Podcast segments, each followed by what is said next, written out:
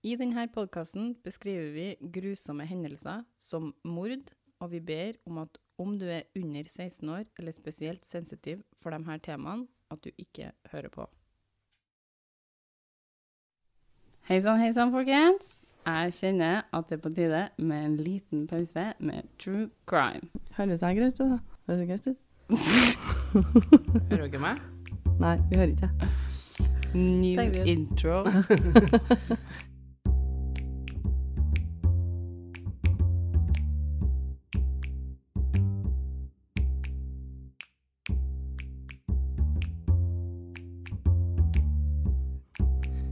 Her sitter vi, og med vi mener jeg jo da vi tre søstrene, altså tvillingene og jeg, og er klar for en ny episode for dere.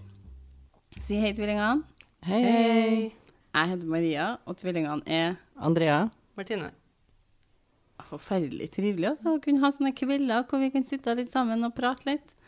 Hva syns dere? Ja, for vi gjør ikke det nok. Vi prater nå mye, vi. Ja, men sånn her kvelder, der okay. vi spesifikt Der skal vi ha tar opp oss sjøl ja. og fortelle en true crime mens andre sitter og kommenterer. ja, og så får vi en liten pause, sant, fra jobb og barn og hus og hjem og sånn. Ja, enig. Det gjør ikke vi nok. Det gjør ikke vi nok. Drikk litt mer cava her, Andrea.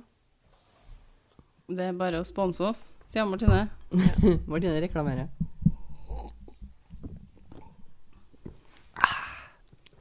Har reklamen sin. Hva er saken du skal ta i dag, Maria? I denne episoden her så skal jeg fortelle dere om en Alistair Wilson fra Nern Nern Jeg Har hørt det navnet her en million ganger, klarer ikke å si det. Fra Nern? Nern i Skottland. I Skottland, ja. Mm. Jeg følte, jeg følte plassen sa litt det, da. Nern. Nern? Nern.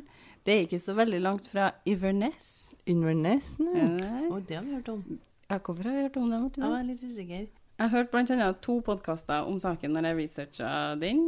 Og det er noe med den saken her som bare liksom er med meg lenge etter jeg har slutta å lese og høre og skrive om den.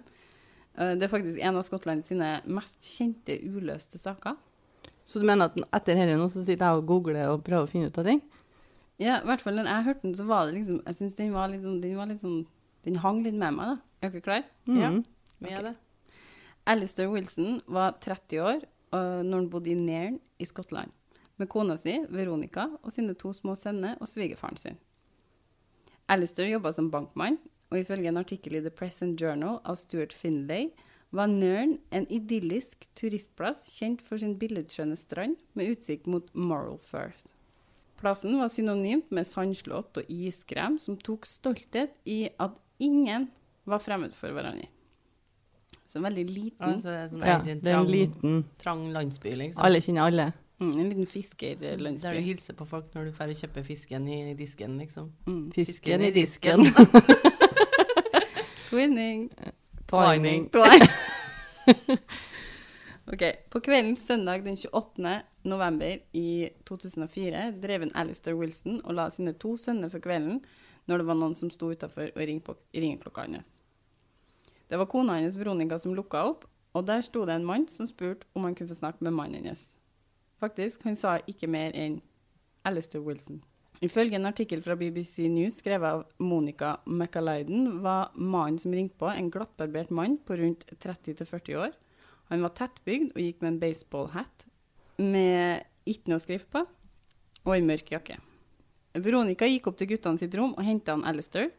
Veronica tok over legginga, og Alistair, som syntes det var litt rart at noen kom inn så sent på en eh, søndag, Det var ikke noe spesielt med han mannen. Nei, det var ikke noe spesielt med han. Han bare var litt merkelig når han ringte på, for han var veldig kort. kort Og alle kjente jo alle i den byen her. Ja. Ja. Og ingen kjente han her. Nei, de kjente ikke han, her.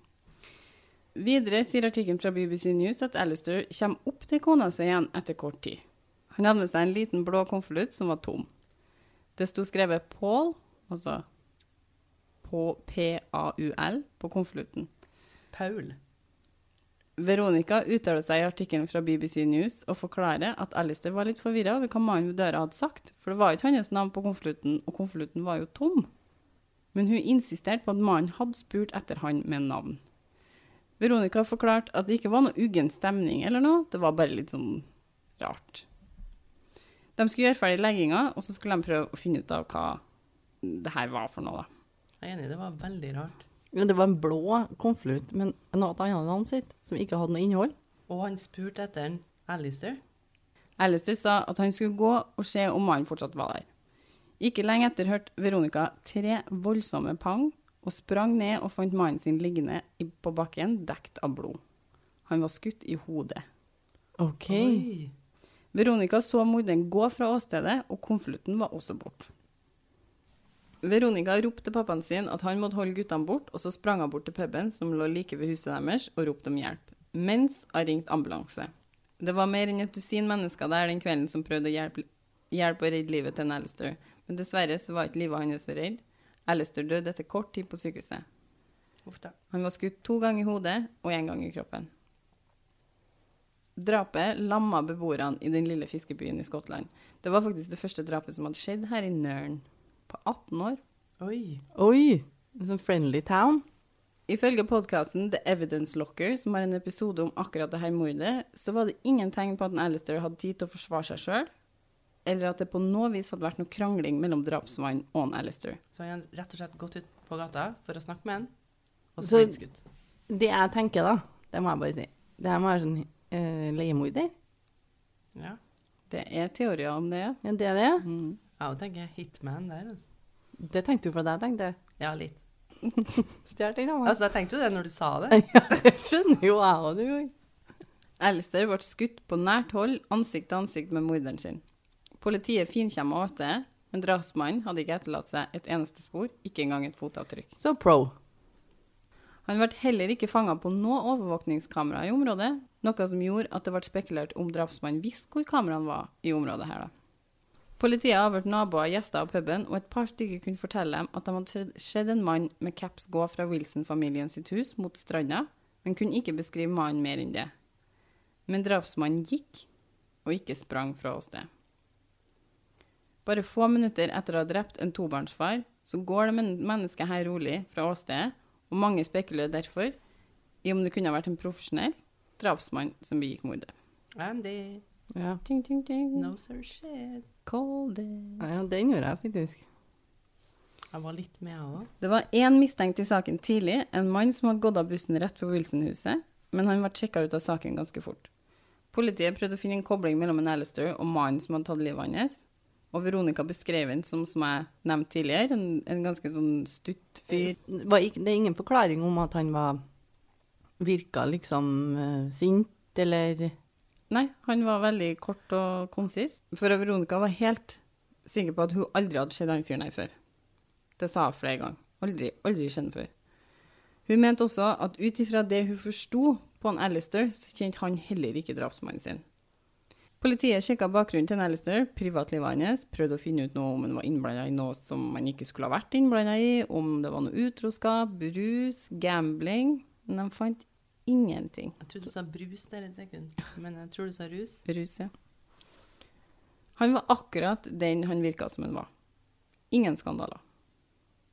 Bare en vanlig mann, en far til to små gutter. I et, Ingen skjelett i skapet, liksom. de har ikke funnet noe. noe Achilles heel. Nesten litt spesielt, det òg. I en annen artikkel i The Present Journal, også skrevet av en Stuart Finley, blir det forklart at i slutten av 2004 ble de som jobber med vedlikehold i byen, spurt regelmessig om de kunne fikse et blokkert avløp i byen. Ok, Og der, hva finner de der? Ja. Avløpet Og hvorfor er det noen som spør om det? Er det noen som maser om det, liksom? Ja, veldig mange maser om det. Det her er avløpet har vært har blokkert? Og... Det her avløpet har vært blokkert lenge, og det er mange som maser om det. Avløpet hadde vært tett en stund, altså. Eh, og veien og fortauet var til tider oversvømt. Folk begynte å irritere seg skikkelig over det. Det var litt styr for å finne ut hvem som hadde ansvaret for å fikse det, men til slutt, den 8. desember i 2004, ti dager etter at Alistair ble drept, ble det prioritert å få det fiksa. Saken til Alistair var allerede kald, da, ettersom det var ingen spor å følge opp for politiet. I avløpet viste det seg at drapsmannen hadde dumpa våpenet han hadde brukt. Oi, Oi! der Det var det. det som var tett, ja. Nei, det var tett før, da, altså. Ok. Mm, oh, ja. Men det er Men de fant det når de prøvde å pusse opp. mm, Så de hadde spurt om å få fiksa dette før han døde. Ja. Mm, Men det var noen teorier her om at noen visste at det her var et blokkert avløp, sånn at de kunne dumpe det våpenet inni her. For her ble det ikke funnet med det første. Det var òg en teori. Men det var jo også masing om å få fiksa det. Ja, men det ble jo aldri fiksa. Det ble fiksa til slutt. Og der var det. Der var det. Det var ikke langt fra Wilson-huset, mindre enn en kilometer. Men det var ingen fingeravtrykk på våpenet. Våpenet var en Heino Schmeischer. Oi, dere kan jo, Maria. Litt usikker på det navnet. Heino Schmeiser. Schmeischer. Snakker vi en, Nå liten, sitter en våpenentusiast der og Ja. hører på. Ja, snakker vi en liten pistol, liksom? Ja, det var en eh, semiautomatisk pistol fra 1920. Eh, Fra ja, 1920. Det høres ut som en revolver. Eller 1920-tallet, da. Det er ikke fra 1920 direkte, men sånn fra 1920-tallet. Kan vi google der, eller? Ja, bare google. Kan du forklare den? Ja, det var sånn liten en, ja. Det er sånn Du ser strømpene til damene på film. Ja, det er en sånn en. Den er kjent som en pocketpistol, ladypistol og handbag gun. Men den ser litt gammel ut, ja. Det er ikke noe typisk drapsvåpen i det hele tatt. En liten pistol. Hva brukes til hvis den ikke kan brukes til drapsvåpen? Altså, det, det er ikke noe typisk drapsvåpen. Nei, den kan jeg være med på. Eh, Det er ikke sånn at den blir brukt veldig ofte Nei. til å gå rundt og, og ta livet av folk. Og det er kanskje ikke så mange som har den? Nei.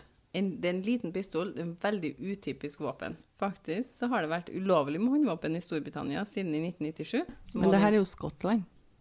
Ja, men er. Storbritannia er jo Storbritannia er jo ja, tidligere Skottland. Storbritannia Ikke England, er liksom. alt. OK, Det er jeg er grei. Geografitime der. OK, fortsett Rant du, Maria. gikk ut Andrea over. Så om drapsmannen fiksa seg våpen for dette drapet rundt den tida mordet fant sted, så må den personen ha brukt ulovlige midler for å få det til. Bare elleve Heino Schmeisers har blitt funnet i Storbritannia det siste tiåret. Mm. Og ifølge podkasten The Evidence Locker så kan faktisk hele tre av de elleve spores tilbake til. Nøren. Oi! To av de tre er aldri brukt til noe kriminelt og ble overlevert til politiet i 2016 og 2017, mens den tredje er brukt i det drapet her. Og det har de funnet ut av. Det er ganske merkelig at tre av et så sjeldent våpen da, kan spores tilbake til en liten fiskerby i Skottland. Ja, det er veldig mange som er glad i sånn damevåpen. Politiet har veldig lite å gå på i saken. Når de fant våpenet, trodde mange at saken muligens kom til å bli løst. Men selv om våpenet er sjeldent, ga det ingen spor videre. Tre måneder etter drapet inviterte politiet 150 stykker til å frivillig gi DNA-prøve. Under undersøkelsene av åstedet fant politiet en røykstump. Og så litt i senere år, når DNA-teknologien hadde blitt litt bedre, så var det mulig å få en DNA-prøve fra akkurat den røykstumpen. Til sammen var mer enn 1000 menn fra lokalsamfunnet innom og frivillig ga DNA-prøver. 10 000 pund ble tilbudt til den som kunne komme med informasjon som resulterte i arrestasjon av Alistair sin drapsmann. Var det noen som ikke ville? Det var en veldig vennlig by, tror jeg, og de var veldig villige til å uh, De eide mye våpen, men de var veldig hyggelige. Med Tre. tre. Ett år etter drapet var politiet ikke kommet noe videre, og de gikk ut med en uvanlig oppfordring til samfunnet for å få informasjon. Ifølge podkasten The Doorstep Murder så publiserte de Veronica sin magevrengende 999-samtale, hvor Veronica forteller at mannen hennes er blitt skutt.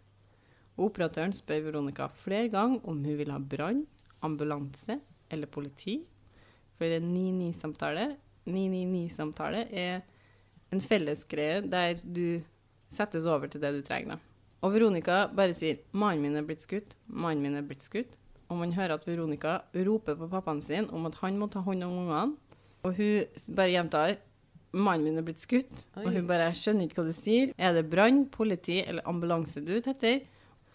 Og til slutt så sier hun «Eh, 'jeg må ha en ambulanse'. De publiserte også en video av en barnepsykolog, Helen Kenward, som forteller fire år gamle Andrew at faren hans ikke lenger er i live. Og den publiserer de. De publiserer den i håp om at noen som sitter på informasjonen, skal få dårlig samvittighet og ringe inn og fortelle noe. Mange ringer inn, men ingenting leder politiet nærmere å løse saken. Den saken her er jo veldig merkelig. Du har en konvolutt som er blå, veldig, veldig Det er en sånn turkisblå, veldig sånn blå konvolutt. Uh, hvem er Paul? Som Hvem er Paul? det er rart om det var en hitman, fordi at han Alistair han lot jo en Alistair gå inn igjen i huset. Han kunne jo like gjerne aldri komme ut igjen.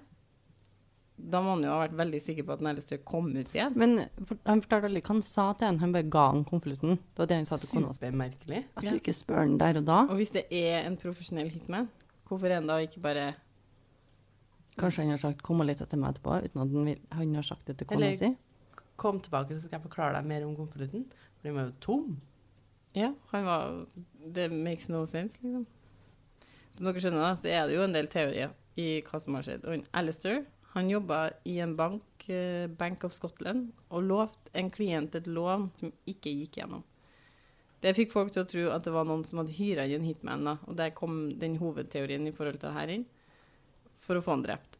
Noen spekulerte i om det var Veronica som hadde hyra noen inn til å få det gjort, eller en kollega som var hevngjerrig for noe. Var det en annen Alistair som egentlig var målet?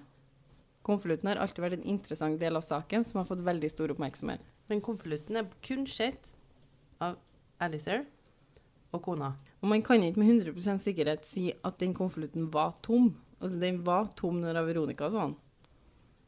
Og hun sa han eh, Alistair sa han den var tom. Men for alt vi vet, så kunne han jo ha hatt noe inn før han gikk opp trappa. Så det har politiet sagt. Kan, vi kan ikke være 100 sikre på at den ikke inneholdt noen ting. Men den var tom når Veronica snakka med den. Veronica hun nekter for drapet. Hun har vært gjennom hypnose for å se om hun kan huske flere detaljer fra den kvelden, men eh, det kom ikke noe ut av det som politiet ikke allerede visste. Og i podkasten The Doorstep Murder så gjør Fiona Walker en del intervju. Fiona Walker, hun som har den podkasten. Og et av dem er av en kriminolog ved navn dr. Mohammed Rackman, som sier at saken virker som et drap gjort av en profesjonell. Han trekker frem at det ikke er noe spor etterlatt, at det er en grad av effektivitet her. Det er gjort på dørkarmen hjem til noen, som er en plass man føler seg ganske trygg og avslappa. Og det trekker han fram som en, si, en pluss for en profesjonell drapsmann. Og angående konvolutten, så sier han at det, den er nok av betydning, og peker mot at den kan være symbolsk, f.eks. At de som har bestilt drapet, ville at denne konvolutten skulle få oppmerksomhet i ettertid for å sende en beskjed, f.eks. til en på. En annen person. Mm. I artikkelen til The Independent, 'Getting Away with Murder' fra 2009, står det at de har intervjua mer enn 4000 folk, men at de nå har sakte, men sikkert brukt mindre tid på denne saken her. Når den først skjedde, så var det 63 detektiver som jobba med den, og podkasten The Doorstep Murder, som er pub- publisert i 2018, så forteller Fiona Walker at det er 20 stykker som jobber med saken. Og Fiona tar opp at det var et tips som kom inn til en John Beatty, som jobba i BBC Radio Scotland. I 2016 hadde han, uh, John Beatty et innslag på et radioshow om det drapet her. Mens han var på lufta og snakka, så kom det inn en telefon som en av produsentene eh, tok imot. Der var det en mann som fortalte at han visste hva som hadde skjedd. Oi, her var det noen som kom. Mannen la igjen nummeret sitt, og John ringer han tilbake. Hun Fiona og John Fiona har podkasten, og John har det radioshowet. Kaller han bare Peter i podkasten, for ingen av dem vet hva han egentlig heter, eller hvor han bor. Bare at han bor i Skottland. John og Peter har mange samtaler hvor Peter nevner navn, folk, motiv og en stor frykt for livet sitt, og forskjellige historier som Peter sier at politiet er klar over. Peter forteller videre at han har fått hørt historien om drapet fra en venn av seg, og at den vennen var direkte involvert med personen som betalte for drapet på Nellister. Peter ble opplevd av en John som livredd og veldig, veldig bekymra for at noen skulle finne ut hvem han var. Peter her påstår også at politiet ikke har etterforska denne informasjonen skikkelig når den ble formidla til dem for mange år siden, og siden den gangen har en av personene han Peter snakker om, dødd. Sorry, her er 10 000 spørsmål. Ja. Eh, Så det er flere, han påstår at det er flere folk som er involvert i dette. Han påstår at det er to som er involvert. Er tilfellet en som heter Pål, da, eller? Nei. Ingen som heter Paul. Har, har navnet Paul kommet opp noen gang? Nei. Alistar kjenner ingen som heter Paul, eller? Jo, hun Veronica nevner at de kjenner mange som heter Paul, men de finner ingen tilknytning til det her, da. Så det her er det en Peter sier, da. Så det er en businessmann som gjør noe arbeid med en mann som hadde vært paramilitær i Nord-Irland. Og businessmannen her kan knyttes til en Alistair gjennom bankforbindelsene. Mm. Det var vennen til en Peter, Peter han som ringte inn til radioen, som hadde blitt venn med han som var eks-paramilitær. Og vennen til en Peter hadde satt noen spørsmålstegn rundt arbeidet han eks-paramilitærfyren eh, og businessmannen gjorde sammen. Og så hadde han da blitt trua med vold i retur, og de sa til han vennen til en Peter du må skjønne at vi kan gjøre mot deg som vi gjorde mot en Alistair Wilson. Ah, ja. Så det har sånn. mer eller mindre sagt det, da. Det var en litt sånn innrømmelse i truslene. Ja. I, i truslene. I trusselen, da. Mm. Så det er noen av teoriene. Jeg vet nå ikke helt hva jeg skal tro, men jeg lener litt mot den der Hitman-varianten. Si jeg òg. ja. Men jeg har ikke tatt fra meg. Ja, nei, du tok en tidlig. Ja. Tidlig, tidlig. Mm. Men det er ganske sykt at en vanlig mann da, eh, blir skutt på sin egen trapp, og ingen har klart å finne ut hvorfor. Langt mindre hvem som har gjort det. Og med alle hjem. Mm. Om det er noen som er interessert i å høre litt mer detaljert om den saken her, så kan jeg anbefale podkasten The Doorstep Murder, som er navnet på drapet òg. Når du, de omtaler det, så sier de The Doorstep Killing eller The Doorstep Murder. Eh, det er en veldig interessant skotsk podkast som går nøye gjennom saken her, da. Så da gjenstår det bare å si takk for pausen. Da, Mm -hmm. da er det bare å komme seg tilbake til hverdagslivet. Ja. Og, og hvis folk bare dukker opp på døra og bare sier navnet ditt, ta igjen døra. Be dem om å komme yeah. Kom en annen dag. Jeg ringer. Få nummeret ditt. Legg nummeret ditt, slide nummeret ditt under døra her, så ringer jeg på deg. Jeg legger det i postkassa mi. Ja.